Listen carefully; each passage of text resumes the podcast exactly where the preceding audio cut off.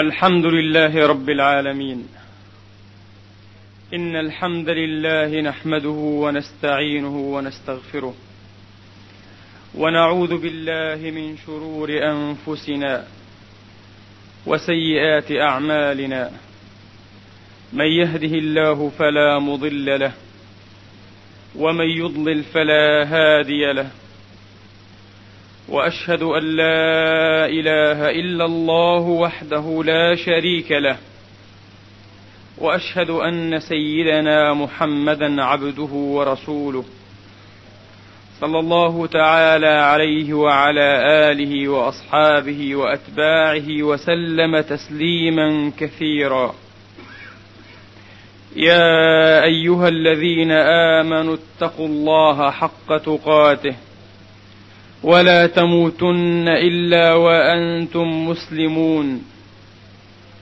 يا أيها الناس اتقوا ربكم الذي خلقكم من نفس واحدة وخلق منها زوجها وبث منهما رجالا كثيرا ونساء واتقوا الله الذي تساءلون به والأرحام إن الله كان عليكم رقيبا.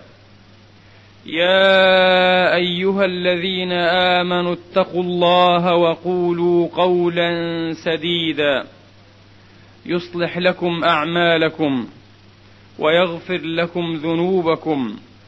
ومن يطع الله ورسوله فقد فاز فوزا عظيما. عباد الله سلام عليكم كتب ربكم على نفسه الرحمة. أنه من عمل منكم سوءا بجهالة ثم تاب من بعده وأصلح فأنه غفور رحيم. أوصيكم ونفسي الخاطئة بتقوى الله العظيم ولزوم طاعته كما أحذركم وأحذر نفسي. من عصيانه ومخالفة أمره لقوله جل جلاله من عمل صالحا فلنفسه ومن أساء فعليها وما ربك بظلام للعبيد. أما بعد أيها الإخوة المسلمون الأفاضل فيقول الله سبحانه وتعالى في كتابه الكريم بعد أن أعوذ بالله من الشيطان الرجيم. بسم الله الرحمن الرحيم. إن إلينا إيابهم. ثم إن علينا حسابهم. إن إلينا إيابهم. ما من شيء في هذا الوجود إلا وهو صائر إلى الملك المعبود سبحانه. فأما الإنسان يا أيها الإنسان إنك كادح إلى ربك كدحا فملاقيه. لأنه لا بد من نتيجة للمقدمة. فكما هنا دار العمل ودار التقدمة ودار السباق فهناك دار الحصاد والنتائج والحساب. لقد أثنى سبحانه وتعالى على قوم وسمهم بأنهم أصحاب ألباب أولو ألباب يخافون ربهم ويحسنون الاستعداد لليوم الآخر. ولا يمكن أن يسير الإنسان على خطة رشيدة في حياته. ولا يمكن أن يكون الإنسان مستقيما فاضلا شريفا في هذه الحياة إذا كان قد نسي أو إذا كان نسي الدار الآخرة ويوم الحساب. يشير سبحانه وتعالى إذا, إذا إلى هذا المعنى بقوله إن الذين يضلون يضلون في خاصة أنفسهم. إن الذين يضلون عن سبيل الله لهم عذاب شديد.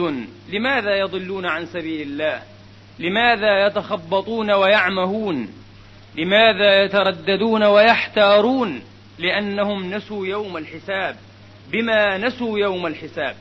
من نسي حساب الله سبحانه وتعالى تخبط في مسالكه تخبط في تصرفاته تخبط في هممه وعزائمه. التلميذ الناشط المجتهد لا ينسى يوم الامتحان بتة. فهو يستعد له على الدوام بالدرس والمراجعة والمعاودة حتى إذا جاء يوم الامتحان أكرم بنجاح ظاهر أو باهر. وأما التلميذ الخائب البائر الفاشل فهو ينسى يوم الامتحان ويسير على غير هدى حتى إذا كان يوم الجزاء ويوم الحساب والامتحان كانت النتيجة سوادا في الوجه وخزيا على الجبين أو معقودا بالنواصي بما نسوا يوم الحساب. أثنى الله سبحانه وتعالى على أولئكم أصحاب الألباب بقوله أفمن يعلم أنما أنزل إليك من ربك الحق كمن هو أعمى؟ إنما يتذكر أولو الألباب. ما هي صفات أولي الألباب هؤلاء؟ إنما يتذكر أولو الألباب. الذين يوفون بعهد الله ولا ينقضون الميثاق والذين يصلون ما أمر الله به أن يوصل ويخشون ربهم ويخافون سوء الحساب. الذين يخافون سوء الحساب هم أولو الألباب وحدهم أما من لا عقل له فلا تدبير له من لا عقل له لا تدبير له وأعظم تدبير يا أخي المسلم هو أن تدبر لحياتك الأخرى أن تدبر لحياة أبدية لسعادة أو شقاء مقيم والعياذ بالله سبحانه وتعالى. حساب الله سبحانه وتعالى يوم الحساب الذي سماه يوم الدين. حسابه يوم الدين يأتي على الأعمال جميعا على الأعمال الظاهرة البادية وعلى الأعمال النفسية الخافية. يأتي حسابه سبحانه على أسرار الضمائر وعلى ما تضمره القلوب من نوايا حسنة أو نوايا سيئة من صفات حميدة أو نعوت مشينة. قال عز من قائل لله ما في السماوات وما في الأرض وإن تبدوا ما في أنفسكم أو تخفوا يحاسبكم به الله. ثم قال فيغفر لمن يشاء ويعذب من يشاء.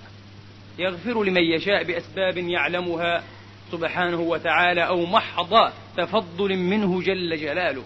وهذا المعنى يدور في كثير من الأحاديث المصطفوية الكريمة. من هذه الأحاديث ما أخرجه الإمام أحمد والترمذي رضي الله تعالى عنهما عن الصاحب الجليل أبي كبشة الأنماري.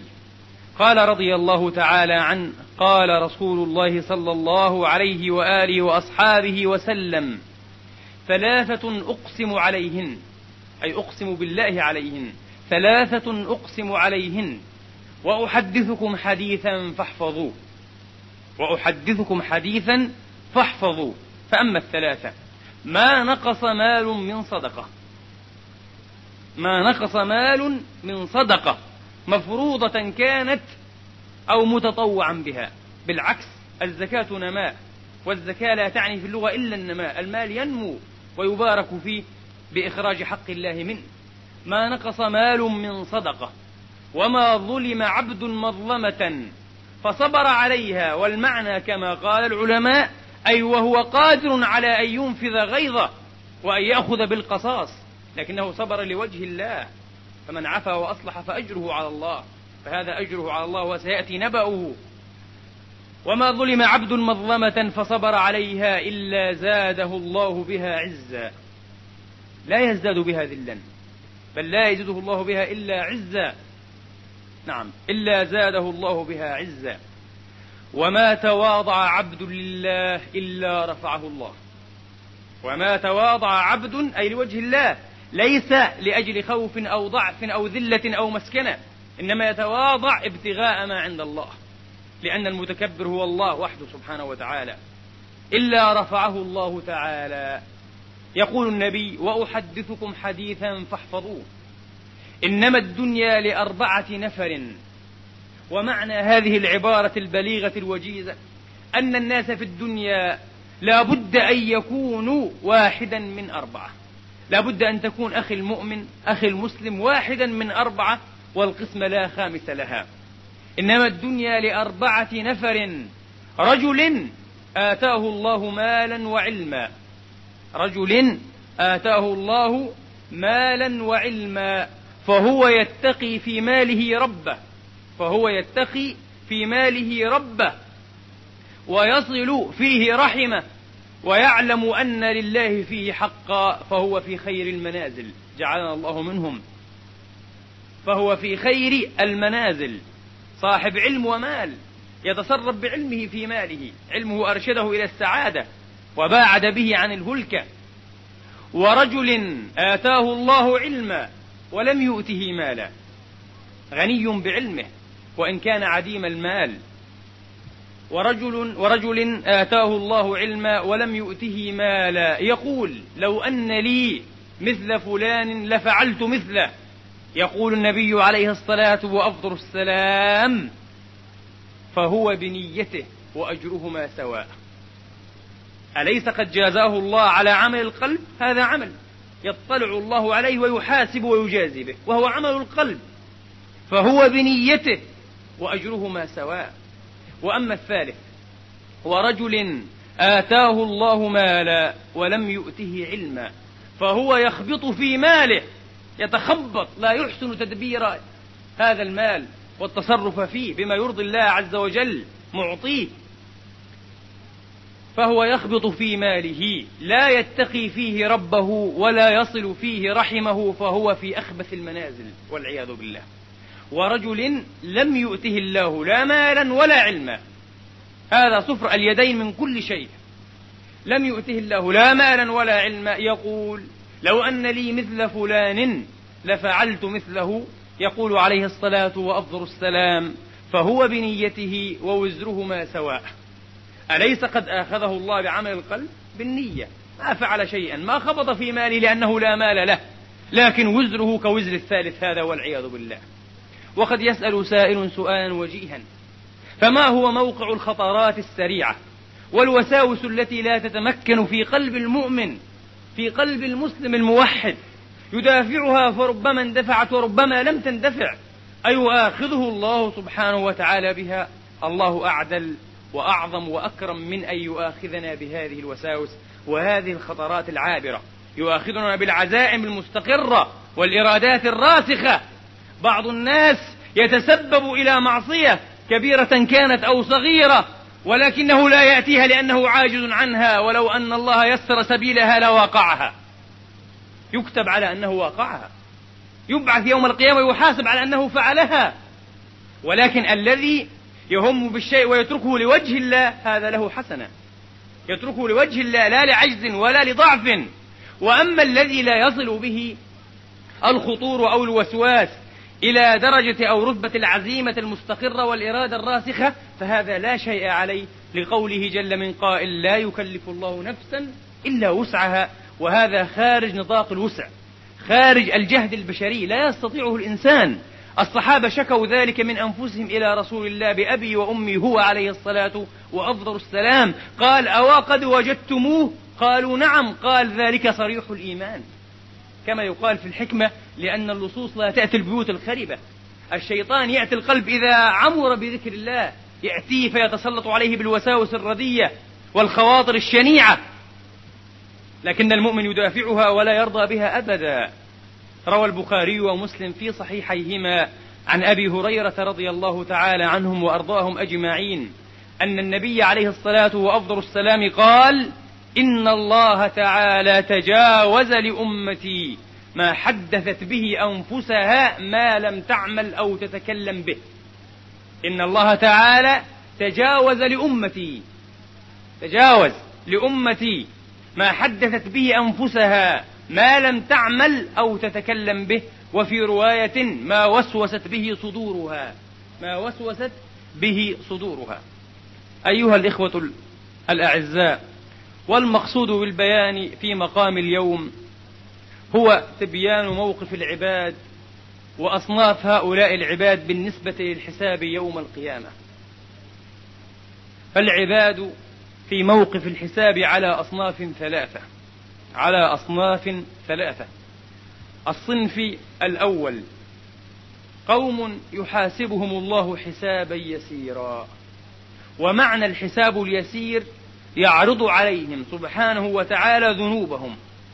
فعلت هذا يا عبدي؟ نعم فعلت. فعلت هذا فعلت هذا فعلت هذا دون أن يطالبهم بالاعتذار أو الحجة. لو سألهم لماذا فعلت؟ ما حجتك؟ ما معذرتك؟ لكان حسابا عسيرا. نعوذ بالله من عسير الحساب. لكنه عرض. يعرض عليك الذنب فتقر. فيغفر لك فهذا الحساب اليسير. والحساب اليسير يختص بمن أوتي كتابه بيمينه.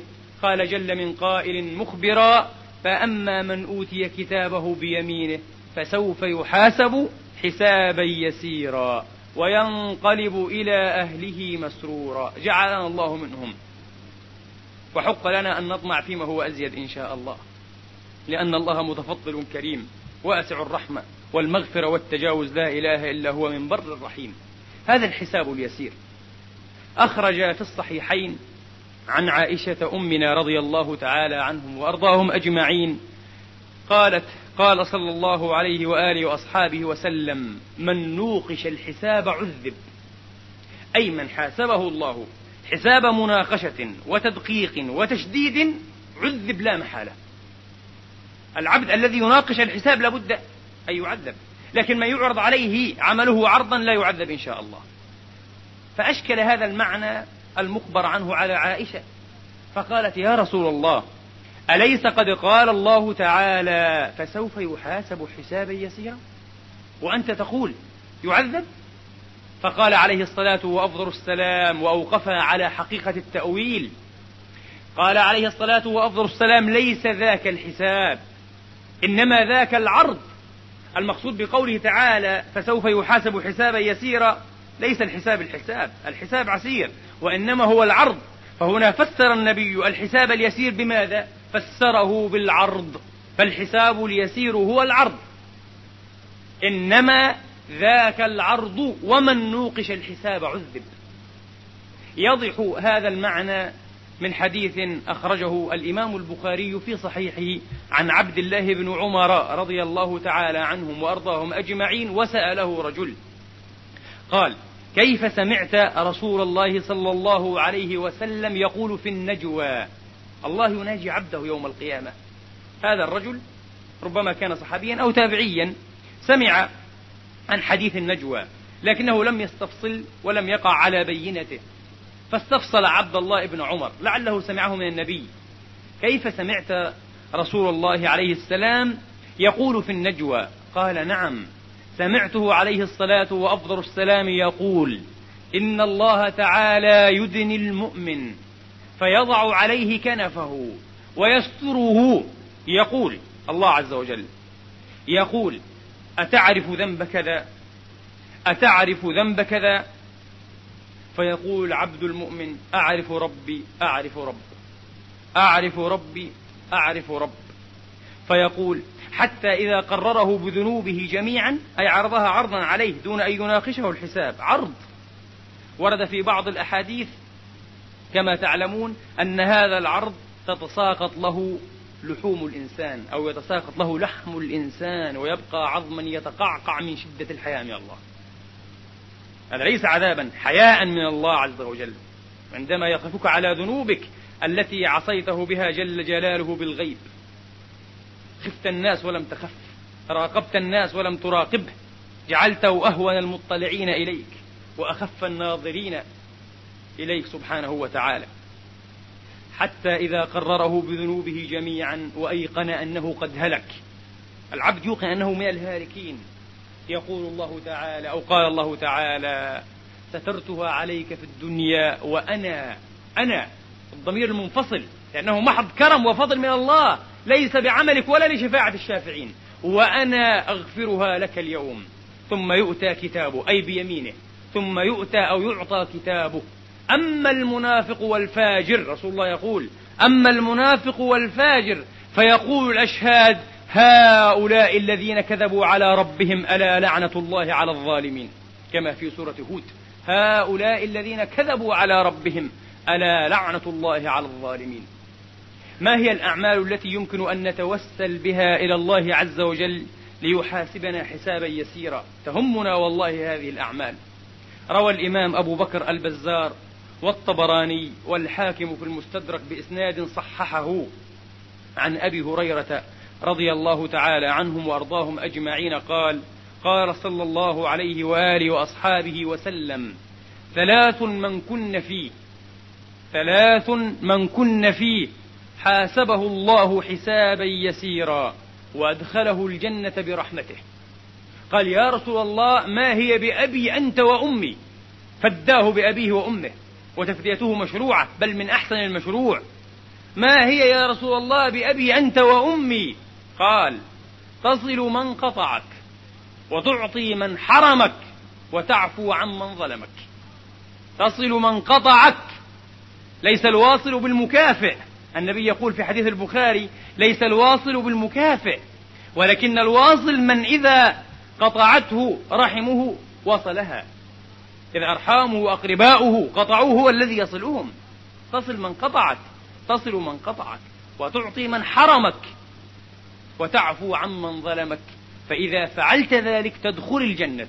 هكذا يقول النبي فإذا فعلت ذلك تدخل الجنة أي بعد الحساب اليسير بعد العرض. والصنف الثاني من الناس أعاذني الله وإياكم والمسلمين والمسلمات أجمعين أن نكون منهم أو أن نلحق بهم أو أن نحشر في زمرهم والعياذ بالله. يناقشون الحساب نقاشا ويساءلونه تدقيقا وتشديدا. فهؤلاء إلى هلاك وهؤلاء إلى عذاب.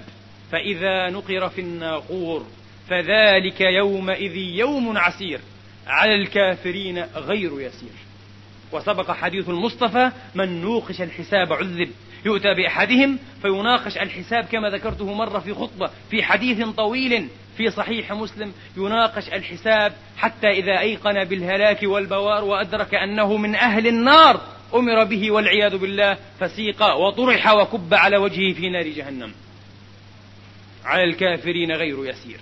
ونوجز في هذا المقام نسأل الله ألا يكون من بيننا من يناقش الحساب نقاشا عسيرا. والصنف الثالث ونحن نبتهل إلى الله بالضراعة والدعاء أن يلحقنا بهم وأن يجعلنا محشورين في زمرتهم. صنف يدخلون الجنة بغير حساب أصلا. لا يحاسبون لا عسيرا ولا يسيرا. الله أكبر جعلنا الله منهم. يدخلون الجنة بغير حساب. يدخلون الجنة بغير حساب. ما هي الأسباب؟ ما هي الأسباب التي يمكن لو اصطنعها الإنسان المؤمن وداوم عليها أن تجعل رحمة الله ناظرة إليه فيدخل الجنة بغير حساب. أسباب كثيرة أوجز أهمها إن شاء الله تعالى في هذا المقام. السبب الأول التوكل. التوكل حق التوكل على الله سبحانه وتعالى. قطع علاقة القلب بالأسباب. مع اصطناع الأسباب الإنسان قد يصطنع السبب ويسعى في طلب الرزق. ويأخذ بجميع الأسباب لكنه متوكل على ربه لا يقين له بالأسباب. لكنه لم يعطل الأسباب لكي لا يعطل الشرع. لكي لا يعطل الشرع. وإيمانه ويقينه بالله وحده سبحانه وتعالى.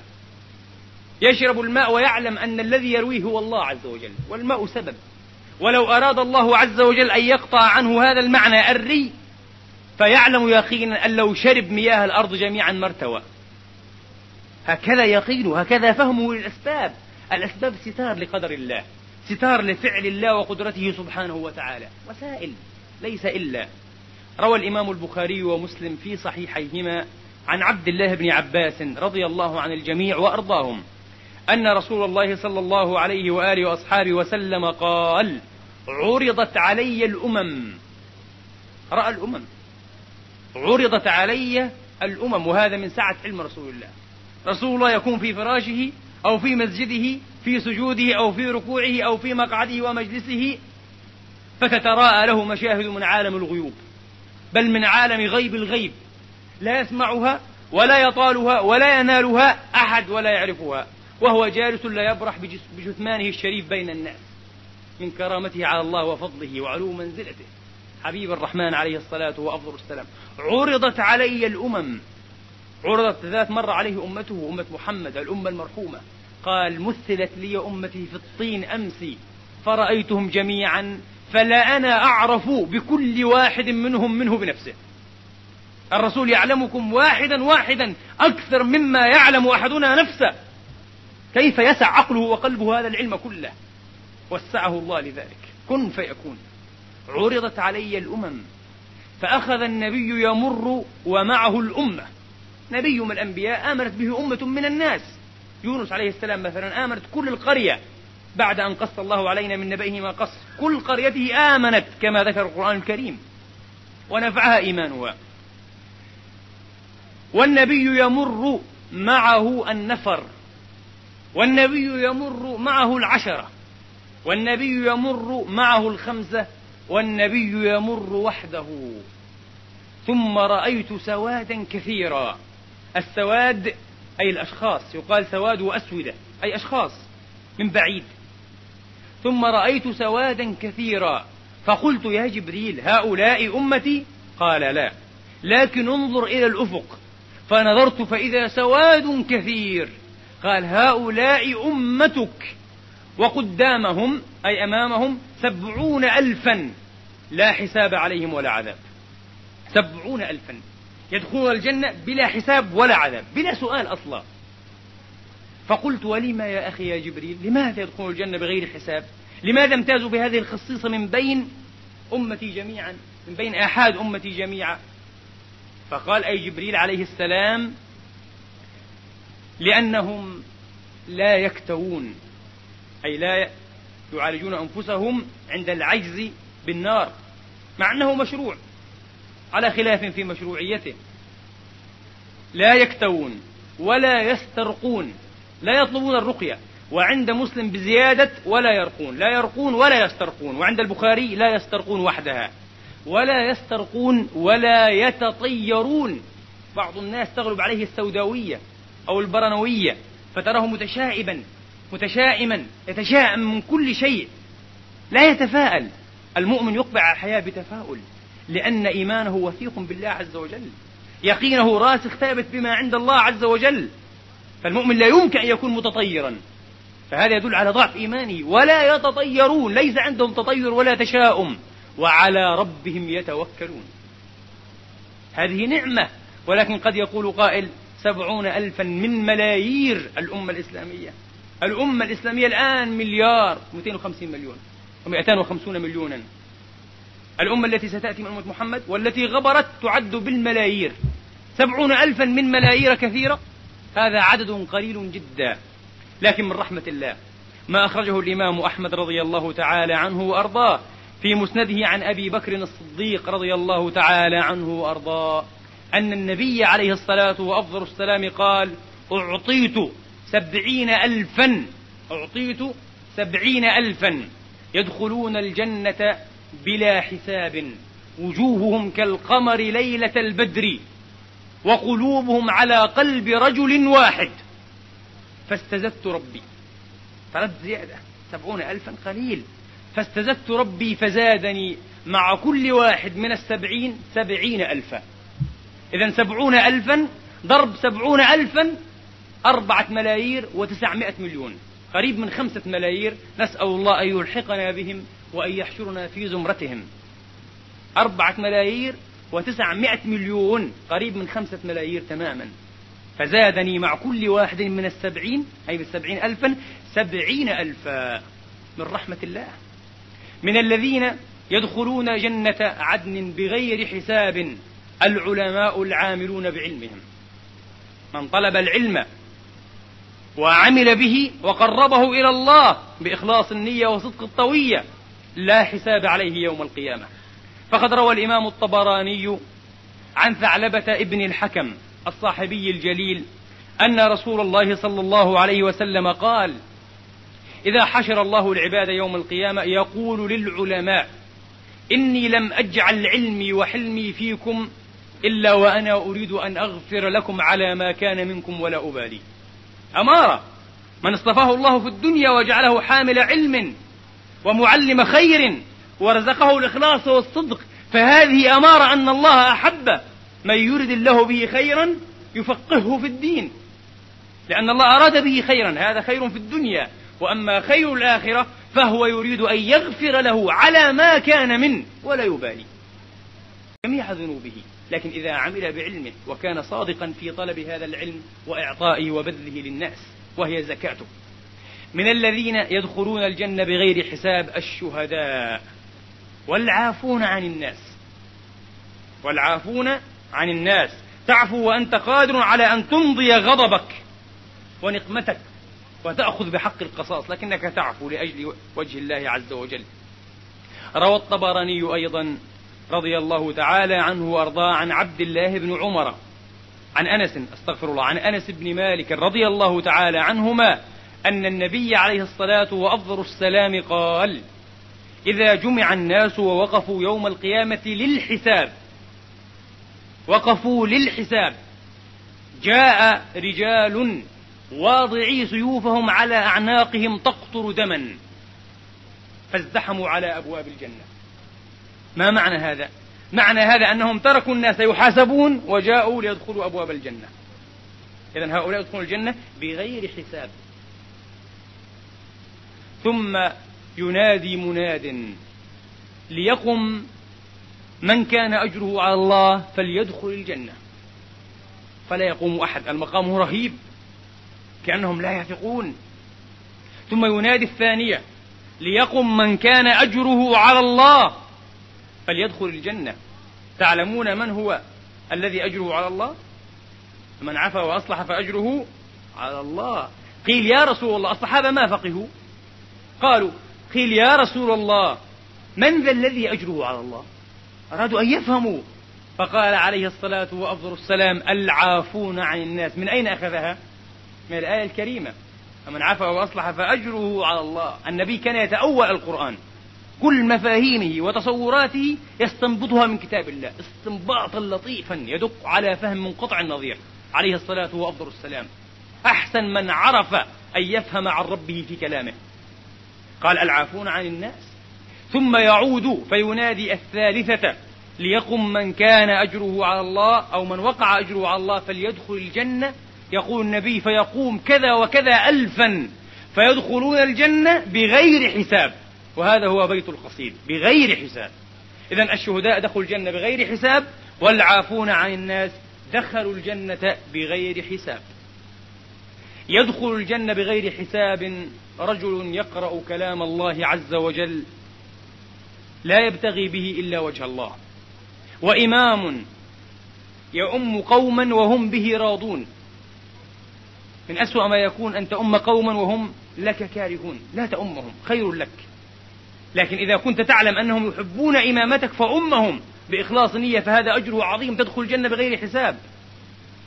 ورجل أما قوما وهم به راضون. وعبد مملوك أحسن فيما بينه وبين ربه وفيما بينه وبين مواليه. الآن ما في عبيد وما في مملوكون. ورجل داع يدعو إلى الصلاة المؤذن. المؤذن بإخلاص النية.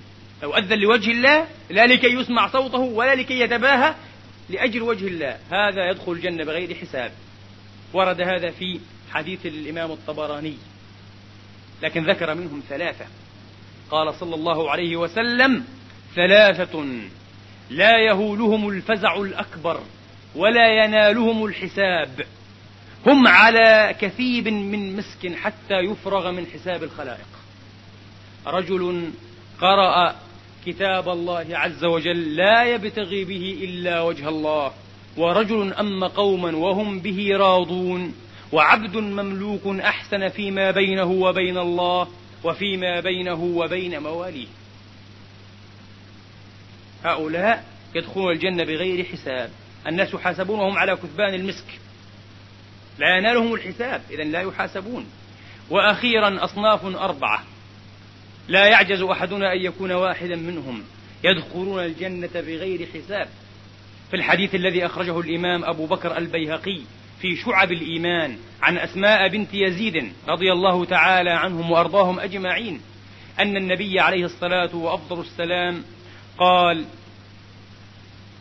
يجمع الله عز وجل الناس يوم القيامة في صعيد واحد يسمعهم الداعي وينفذهم البصر وهذا من قدرة الله. كل هذه البلايين المبلينة من لدن آدم إلى آخر نسمة يخلقها الله ويبدعها يجمعون في صعيد واحد. في مكان واحد يسمعهم الداعي عندما ينادي مناد من قبل الله يسمعون جميعا وينفذهم البصر ترى أولهم وآخرهم. قدرة الله عز وجل. ما خلقكم ولا بعثكم إلا كنفس واحدة إلا كنفس واحدة. يسمعهم الداعي وينفذهم البصر. يقوم مناد فينادي أي في هذا الجمع الغفير في هذا الجماء الكثير فينادي. أين الذين كانوا يحمدون الله في السراء والضراء؟ بعضنا يحمد الله على السراء لكن ينبغي أن نحمده على الضراء أن نكون عبيد الإحسان كما نحن عبيد الامتحان. عبيد إحسان وعبيد امتحان بلاء بالخير وبلاء بالشر. أين الذين كانوا يحمدون الله في السراء والضراء؟ فيقومون وهم قليل قليل في أمة محمد. هكذا حقيقة. وهم قليل فيدخلون الجنة بغير حساب. ثم ينادي هذا المنادي أين الذين كانت تتجافى جنوبهم عن المضاجع؟ كما قص علينا ربنا في كتابه تتجافى جنوبهم عن المضاجع يدعون ربهم خوفا وطمعا ومما رزقناهم ينفقون الآيات.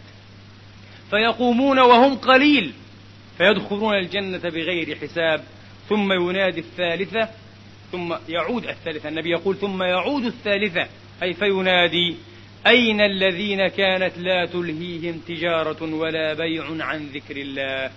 فيقومون وهم قليل فيدخلون الجنة. وهم ثلاثة أصناف وليسوا أربعة وأستغفر الله لي ولكم فاستغفروه إنه غفور تواب رحيم.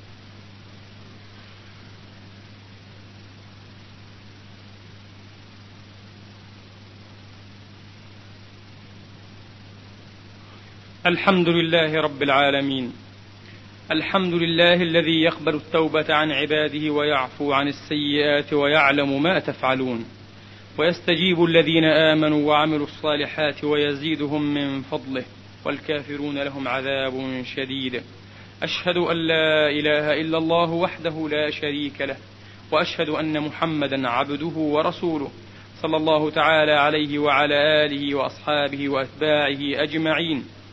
اللهم إنا نسألك ونبتهل إليك أن تجعلنا هداة مهديين غير ضالين ولا مضلين سلما لأوليائك وعدوا لأعدائك. نحب بحبك من أحبك ونعادي بعداوتك من خالفك. اللهم إنا نسألك أن تجعل حبك أحب الأشياء إلى قلوبنا وأن تجعل خشيتك أخوف الأشياء عندنا. وإذا أقررت أعين أهل الدنيا من دنياهم فأقر عيوننا من عبادتك. اللهم أعنا على ذكرك وشكرك وحسن عبادتك. اللهم اجعلنا من الحمادين لك على كل حال.